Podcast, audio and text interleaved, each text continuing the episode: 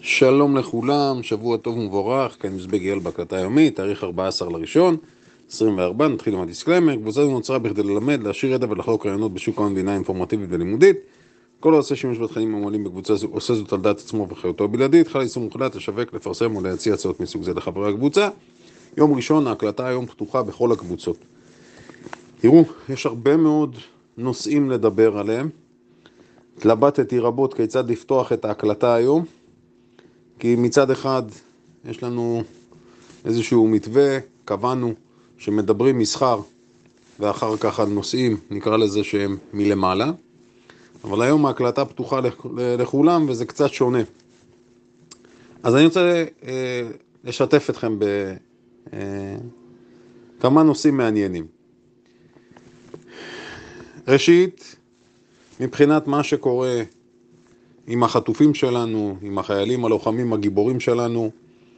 אני בא ואומר בצורה מאוד פשוטה, ואני מצטט את עידן עמדי. בעזרת השם, הבנתי שהמצב שלו משתפר והוא מחלים, מדהים. שהרגיש הכי טוב בעולם. אז הבנתי שרץ איזה סרטון שלו, ויצא לי לראות את זה גם, שהוא אומר במילים אחרות ככה, אם אין לכם משהו טוב להגיד, אז הוא אמר, סתמו את הפה, אז אני לא אגיד סתמו את הפה, אני אומר, למי שאין משהו טוב להגיד על המצב עכשיו, לא להיכנס לדמורליזציה. ההפך, אנחנו צריכים מורל גבוה. אמרתי ואני חוזר ואומר, ימים קשים לפנינו. זה שהחטופים עדיין לא חזרו ולא הוחזרו, אני רואה את זה כבעיה מאוד מאוד קשה. מאוד קשה. מאה ימים שמה עם ה... המפלצות הנאציות, צריך לעשות הכל כדי שהם יחזרו. Uh, הכל. כל מי שיש לו רעיון, כל דבר בא בחשבון. אסור להשלים עם המצב הזה, אסור. אני לא בא בטענות לאף אחד. כרגע אני לא בא בטענות לאף אחד. כולנו צריכים לעשות את המקסימום ולהתגייס. כל אחד במה שהוא יכול. אבל חייבים המטרה הזו חייבת להיות לנגד עינינו. זה לא אולי, זה לא בערך, הכל. אני מבחינתי הכל. תיקחו את זה לאן שאתם רוצים, כיד הדמיון. לאן שאתם רוצים תיקחו את מה שאני אומר, לעשות הכל כדי להחזיר אותם. זו חובתנו. אי אפשר לברוח מהדבר הזה, אי אפשר, אי אפשר. כל אחד מאיתנו צריך לחשוב מה היה קורה אם הוא היה שם או מישהו מקרובי משפחתו, ואמרתי לכם, פה בקבוצות, פה בקבוצות יש אנשים שהקרובים שלהם שמה. אז אני לא יכול אה, להישאר אדיש. בהמשך לזה, ראינו מה קרה היום בלבנון, כאשר הם פגעו בשני אזרחים, הרגו אותם. אז אה, כל, ואני מקבל באמת עשרות פניות שהן ממשיכות, הפניות לא נפסקות. אייל, מה, מה יהיה פה, איך זה יכול להיות שהבורסה לא יורדת? אני, אין לי הסבר טוב איך הבורסה לא יורדת בארץ, ואני גם אמרתי, אני לא מומחה לבורסה בארץ. אני ציטטתי פה את מנהלי בתי ההשקעות הגדולים, ששלושה ארבעה מהם אמרו שגם הם לא חושבים שצריך להגדיל חשיפה, וגם הם לא חושבים שהבורסה בארץ זולה. אז מעבר לזה אין לי מה לומר. מבחינת האם זו נקודת כניסה, כן או לא, האם זה הגיוני שהבורסה לא יורדת או שהיא נמצאת באותה רמה שהיא הייתה לפני המלחמה, ההיגיון אומר שלא. חד וחלק, ההיגיון היבש אומר שלא. אם למישהו מכם יש הסבר, בכיף. אני אמרתי בעצמי, להערכתי, כשהלחימה והמלחמה תיגמר, אני חושב שישראל תהיה מקום הרבה יותר טוב. אבל זה לא יקרה לא מחר ולא מחרתיים. יש פה זמן.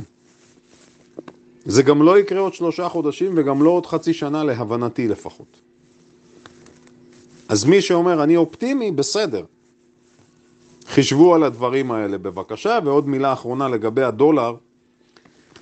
תראו, אנחנו נלחמים, אמרתי לכם, יש כאלה שאומרים בשש גזרות, יש כאלה אומרים בשמונה גזרות. תוסיפו לזה גם את ירידת הריבית בארץ, זאת אומרת פער הריביות בין ישראל לארה"ב יתרחב. אז כל אחד שחושב על הנושא של שקל דולר, זה גם משפיע.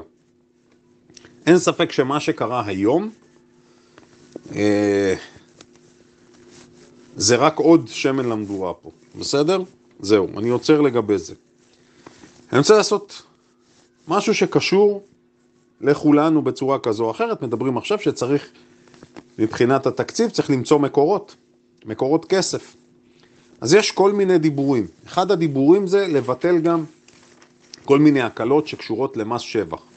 אפרופו הוובינר שערכנו בחמישי לטובת המילואימניקים והחיילים שלנו, אז הוא עלה לאוויר. הוובינר, אני מדגיש, זה היה וובינר, נקרא לזה, לאנשים שהם יחסית מתחילים. להשוות בין שוק ההון לבין השקעה בנדל"ן למתחילים, אני מדגיש. נכון, היו שם גם אלמנטים לדעתי שמתאימים גם למנוסים, אז אחת הנקודות שדיברתי עליה גם, זה עניין של מיסוי. אז עכשיו, אחת המחשבות של האוצר, זה לבטל את הפטור ממס שבח. לא ניכנס עכשיו לכל התקנות מה זה אומר, אבל משנת 2014 יש איזושהי תקנה שאומרת שהתשלום יהיה יחסי. בשורה התחתונה, המשמעות של האוצר זה שמי שרכש דירה בשנת 2005 במיליון שקלים, וב-2025 ימכור אותה בשלושה מיליון שקלים, במתווה של הפטור המקל, הוא היה צריך לשלם 275 אלף שקלים. במתווה החדש הוא יצטרך לשלם חצי מיליון. אלה פערים עצומים. עכשיו, האם אלה המקומות שצריך להיכנס אליהם? יכול להיות. אני לא, אני לא, לא פוסל. מה אני רוצה להגיד לכם? אבל אי אפשר לעבוד עלינו. הלכתי וקראתי קצת נתונים. 300 אלף, 350 אלף, סליחה, ישראלים מחזיקים בבעלותם שתי דירות לפחות. שזה אומר כ-13% ממשקי הבית. שימו לב לנתון הבא. פי שישה משיעורם עד לפני 20 שנה. זאת אומרת, 20 שנה אחורה, תחלקו לשש את ה-350 ותחשבו לכמה אנשים היו שתי דירות ומעלה. האם זה גם נתון אמיתי? חד וחלק לא. תגידו לי, אייל, איך אתה אומר שזה לא אמיתי? נתונים ממשרד האוצר. מאוד פשוט. כי כולנו יודעים שהרבה מאוד רושמים את הדירות על שם הילדים, קרובים וכולי. אז מי ששואל את עצמו מה הולך פה, אם 20 שנה אחורה היו לנו נגיד 70 אלף, 80 אלף, ועכשיו יש 350 אלף שמחזיקים שתי דירות ומעלה, זה אומר דרשני. זה אומר שיש פה סקטור מסוים שמתנפח. עכשיו אני אומר, עיני לא צרה באף אחד. ההפך. אבל צריך להבין מה קורה כאן. אז שימו לכם רגע את זה בראש. עכשיו אני רוצה לספר לכם סיפור. סיפור מהימים האחרונים, סיפור אמיתי, אותנטי לגמרי. שיסביר מדוע אני יוצא בצורה כל כך חריפה נגד הפנסיות והשכר המנופח בסקטור הציבורי. וכדאי שכל אחד מכם יקשיב היטב לסיפור שלי. ואמרתי לכם, מי שאומר שאני פופוליסט וכולי, בעיניי חי בסרט קשה. למה אני אומר את זה? כי זה אומר שהוא לא מחובר למציאות. אני אומר, כן, אני מחובר למציאות, אני מחובר לשטח, אני מחובר לרחוב. לפני כמה ימים אני מקבל פנייה. פנסיונרית. לצורך העניין, תחשבו שבמדינת ישראל, ואנחנו דיברנו על זה פעמים רבות, ישנם הרבה מאוד אנשים שכאשר הם מגיעים לגיל פנסיה, אין להם את היכולת לסגור את החודש בצורה מכובדת. זאת אומרת, מדברים על בערך 45-50 אחוז נגיד מהעצמאים לא חוסכים לפנסיה. אלה מספרים מטלטלים. אנחנו מדברים על מאות אלפי אנשים. גם חלק מהשכירים שעובדים במשרה חלקית, או לפעמים לא עבדו, ו... אין להם, אין להם, אין להם, לא תהיה להם פנסיה ראויה. אני מקבל פנייה מפנסיונרית שביקשה הנחה בארנונה. אמר לי, שמע, אולי גם הפנייה לא הייתה ישירה, אלא פנייה דרך גורם משותף, אולי אתה תצליח לעזור במקרה הזה. אמרתי, מה המקרה? הסתכלתי, הייתי בשוק. ראיתי מה ההכנסה החודשית של אותה גברת, הייתי בשוק. תנסו לדמיין רגע בן אדם שצריך להסתדר, לסגור חודש בפחות משלושת אלפים שקל בחודש. תגידו לי אם זה נשמע לכם הגיוני. אז במדינת ישראל יש הרבה מאוד כאלה. כשאני אומר שהפנסיה של ברק ואשתו, לא יודע, 100, 200 אלף בחודש, זה נשמע לכם נורמלי? זה נשמע לכם נורמלי שפורשי צבא שנמצאים בממשלה הזו מקבלים גם פנסיה וגם שכר? זה נשמע לכם הגיוני? זה נשמע לכם נורמלי שכל השופטים מקבלים פנסיות מטורפות ואנשים אין להם כסף לאכול תרתי משמע? זה לא נורמלי. עכשיו אני אספר לכם מה עוד לא נורמלי בסיפור. הלכתי, עשיתי את הבדיקות, פניתי למי שצריך, פניתי גם לביטוח לאומי. עד שתפסתי את ביטוח לאומי בטלפון, הייתי צריך להמתין בין 25 דקות ל-30 דקות, זה, אגב זה קרה פעמיים, כי פעם אחת השיחה נפלה לי.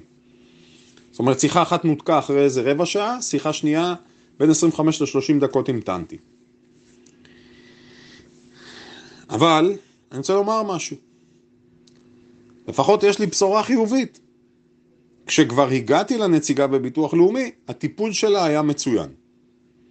היא הצליחה להסביר לי מה שניסיתי להבין לפני כן, ולא הצלחתי. בקיצור, היא הצליחה להסביר לי שמי שיש לו תקציב שהוא כזה נמוך, מגיעות לו כל מיני הטבות וזכויות. עכשיו, ההטבות והזכויות הן לא רטרואקטיבית. זאת אומרת, במקרה שאני מטפל בו, משהו כמו 12 שנה הלכו לאיבוד מבחינת התנאים והזכויות שהיו מגיעות שם. מגיעים, סליחה. אני מקווה שיהיה לסיפור הזה סוף טוב ואני אספר לכם בעזרת השם. אבל תנסו לדמיין את עצמכם. וכל מי שיגיד לי, כן, אבל השופטים מגיע להם, והנגיד מגיע לו, כי הוא, הוא מקבל פחות ממה שהוא מקבל בסקטור הפרטי. ביזיון, ביזיון. האנשים האלה, לא יודע איך הם נרדמים בלילה. כשיהיה לנו את התקציב שידאג לכולם, אחרי זה נדאג לכם לשומנים שלכם. עד אז, בושה וחרפה. אני אומר, בושה וחרפה. כל אחד מאיתנו צריך לחשוב על זה ולהגיד, רגע, מה, יש אנשים כאלה? כן, יש אנשים כאלה. אוקיי, נתקדם ברשותכם. אגב, ישנם עוד מקורות שמהם ניתן לקחת כסף, מדברים הרבה שנים על מס ירושה. אתם יודעים למה לא רוצים להשית מס ירושה? גם כאן מדברים על זה שאנשים יבריחו את הנכסים שלהם ויבצעו העברה בין דורית או כל מיני קומבינות. במקום לצמצם פערים, הפערים מתרחבים. אני אומר, עכשיו תבואו ותגידו לי, אה, אז מה אתה רוצה מהנגיד המסכן שהשכר שלו עלה מ-67 ל-77? מה, הוא, הוא עוד עושה לנו טובה. Mm-hmm, בסדר. הלאה. יש מעט מאוד דברים שיכולים לעצבן אותי, כמו הדברים האלה אגב. יום שישי, המסחר בארצות הברית, סגירה פלוס מינוס על האפס. אבל אם אני צריך לקחת, אם אני צריך לקחת משהו מיום שישי, אז ראשית אני רוצה לדבר, להזכיר שתי מניות. קודם כל תרשמו לעצמכם, אביס, האביס בדג'ט, כן, אנחנו מדברים על חברת השכרת הרכב, הסימול CAR, שימו לב שמניית קר נמצאת בנקודת מפתח. רמת מחיר 160, זו רמת מפתח במניה, שימו לב, זה נראה שהיא עומדת לשבור כלפי מטה. עוד אחת שאני רוצה לדבר עליה זו הרץ. גם הרץ, הרץ ואביס, אותו סקטור. הרץ אנחנו מכירים. תכף אני ארחיב בסיפור הזה, כי יש פה הרבה מה לומר. הזכרתי את הרץ עם הנושא של הרכבים החשמליים, שהיא יורדת למעשה מהרכבים החשמליים וחוזרת לגז. אז לפני שאני אגיד את זה, רק שימו לב, לסקטור הבנקאות אמרנו, פרסם את הדוחות שלו ביום שישי. אז ג'יי פי מורגן פתחה והייתה בפלוס, בסוף היא מסיימת את היום במינוס שלושת רבעי אחוז. אמרנו ה-JP מורגן היא עוד הגדולה והחזקה. אז בנק אוף אמריקה גם סיימה שלילית, סיטי גרופ גם סיימה שלילית. סיטי גרופ, סליחה, סיימה בפלוס אחוז. זאת אומרת, הסקטור הבנקאי, משהו קורה שם. וולס פרגו ירדה שלושה ומשהו אחוז. יש פה איזשהו סיפור. אז אם אלה הנתונים בסקטור הבנקאי, אנחנו צריכים להבין שמבחינת הרוב, כן, המצב הוא לא להיט בארצות הברית כרגע. זו דעתי. זה שהבורסה עולה ונשענת על הגורילו של הטכנולוגיה, זו מציאות. אנחנו לא, אין פה מה להתווכח. עובדתית. זה המצב כרגע, ואנחנו רואים שהגורילות ממשיכות למשוך כלפי מעל. אז בזמן ש-NVDA בשיא כל הזמנים, מייקרוסופט בשיא כל הזמנים, אפל לא רחוקה משם, זה המצב. הלאה. עכשיו בואו נחזור לסיפור של השכרת הרכב. באה חברת הרץ ואומרת, אני מתכוונת למכור את הרכבים החשמליים שברשותי. אני מזכיר, להרץ ולטסלה הייתה עסקה ביניהן. הרץ התחייבה לרכוש, אם אני לא טועה, 100 אלף רכבים של טסלה. אז רגע, רגע, מה הולך פה? מה פתאום הם רוצים גם למכור? למה הם חוזרים לרכבי בנזין?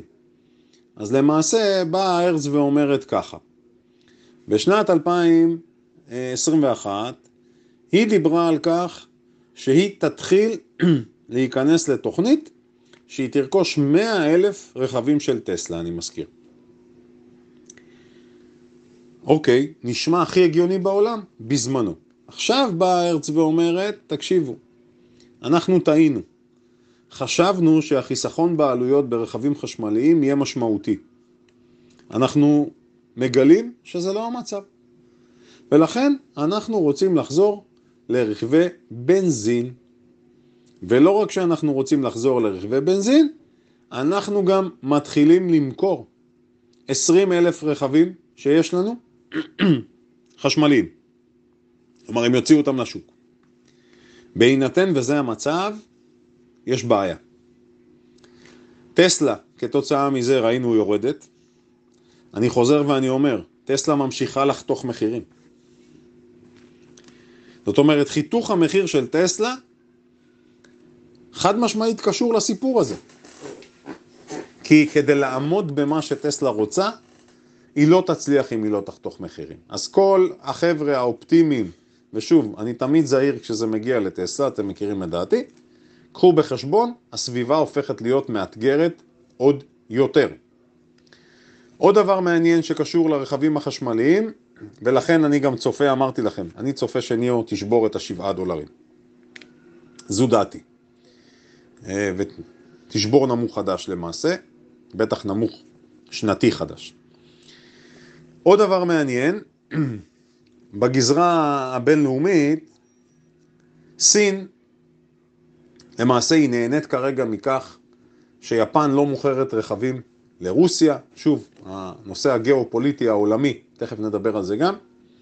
כתוצאה מזה סין מצליחה למעשה לכבוש עוד יעדים מבחינת מכירות. אה, הסיפור הזה כנראה לא עומד להיפסק בקרוב. אחד החברים שלח לי היום בפרטי הודעה מעניינת, הוא כתב לי, אייל, תגיד, מה דעתך על מה שקורה כרגע עם העימות האפשרי בין רוסיה לפינלנד, אני מזכיר, פינלנד רוצה להצטרף לנאטו, לרוסים זה לא בא טוב, אז כתבתי לאותו חבר, שמע, אני אגיד לך את האמת, יש דברים שאני מבין בהם, ויש לי משהו חכם לומר, יש דברים שאני לא כל כך מבין בהם, אז אני לא מתייחס. אז אמרתי לו, אולי תיתן לי סקירה קצרה, אז הוא באמת כתב לי סקירה מאוד יפה. אמרתי לו תודה רבה, ואמרתי אני אציין את זה. אז זה לא רק פינלנד, יש לנו עכשיו את שוודיה, ששר ההגנה בשוודיה מתבטא בצורה ברורה ואומר לאזרחים, תתכוננו לאפשרות של מלחמה. שזה נשמע לא הגיוני, שוודיה זו מדינה שלא היו שם מלחמות לא יודע כמה זמן. הודעה מפורשת, תתכוננו למלחמה, לאפשרות כזו. Uh, הסיפור של טיוואן עכשיו, השלטון שמתחלף, הבחירות החדשות שהיו, למעשה הנציג שנבחר מתנגד לכל מהלך עם סין. אה, ראיתי כותרת שאומרת שהתוצאות שיצאו לא מייצגות את דעת הרוב בטיוואן. חברים, מי שלא מבין שאנחנו בעיצומו של אירוע בינלאומי, שציר הרשע בוחן את המערב ובודק את ארצות הברית בציציות עכשיו, מי שלא מבין את זה, אני לא חושב שיש דרך להסביר את מה שהולך פה. אם ארצות הברית לא מטפלת באירועים הנוכחיים כמו שצריך, ציר הרשע מתחיל לעשות מה שהוא רוצה. תקראו לזה איך שאתם רוצים. אין דרך לפרש את זה בצורה אחרת. אני מזכיר, סין מבחינתה אמרה, אנחנו רוצים להתאחד עם טיוואן. איזה יופי של מכבסת מילים. אנחנו רוצים להתאחד עם טיוואן, אנחנו ביחד. אנחנו מבינים לאן זה הולך, אוקיי? אז זו המציאות. אז מי שחושב שהדברים הללו מעלים את הסיכון לאיזשהו מלחמה שהיא גדולה יותר, אין בעיה. אז uh, תפעלו בהתאם. זו המציאות, עם זה אנחנו מתמודדים. זה לא משהו שהולך לרדת מסדר היום עכשיו. עוד דבר מעניין, אפרופו מה שדיברנו על הרכבים, אז uh, תזכרו שאיך אמר לי אחד החברים, אני נניח סקטור התעופה, אתם יודעים שזה סקטור שהוא מוקצה מבחינתנו לטווח ארוך.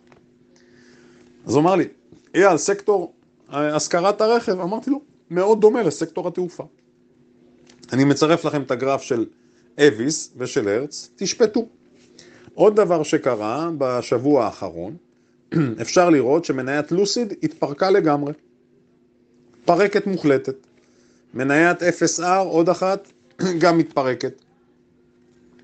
אז כשאנחנו, כשאנחנו מדברים על היכולת לזהות, עכשיו אני מזכיר, הרבה פעמים, באופן טבעי, היות ורוב המשקיעים פועלים לצד הלונג, הם מתעלמים מהשורטים. אני לא פעם אומר, מי שיודע להבין גם את מה שאני אומר פה, למה שאנחנו מדברים, יבין מתי יש היגיון להיכנס ללונג ובאיזה מקרים אנחנו חושבים שמניה עומדת ליפול. אז לוסיד, כתוצאה מהסיפור של הרכבים החשמליים וההודעה הזו של הרץ, מתפרקת. 0R גם ככה זו מניה שהיא מה שנקרא גמורה, אבל גם היא התפרקה. מי שחיפש, כן, בנובמבר הייתה חמישה דולר, עכשיו היא דולר. אין סוף הזדמנויות, אוקיי? אני מזכיר, מחר אין מסחר, ושימו לב שבכל ההקלטה לא התייחסתי לביטקוין כי נגמר הזמן. אז יש לנו הרבה על מה לדבר, אנחנו נשתמע, שבוע טוב.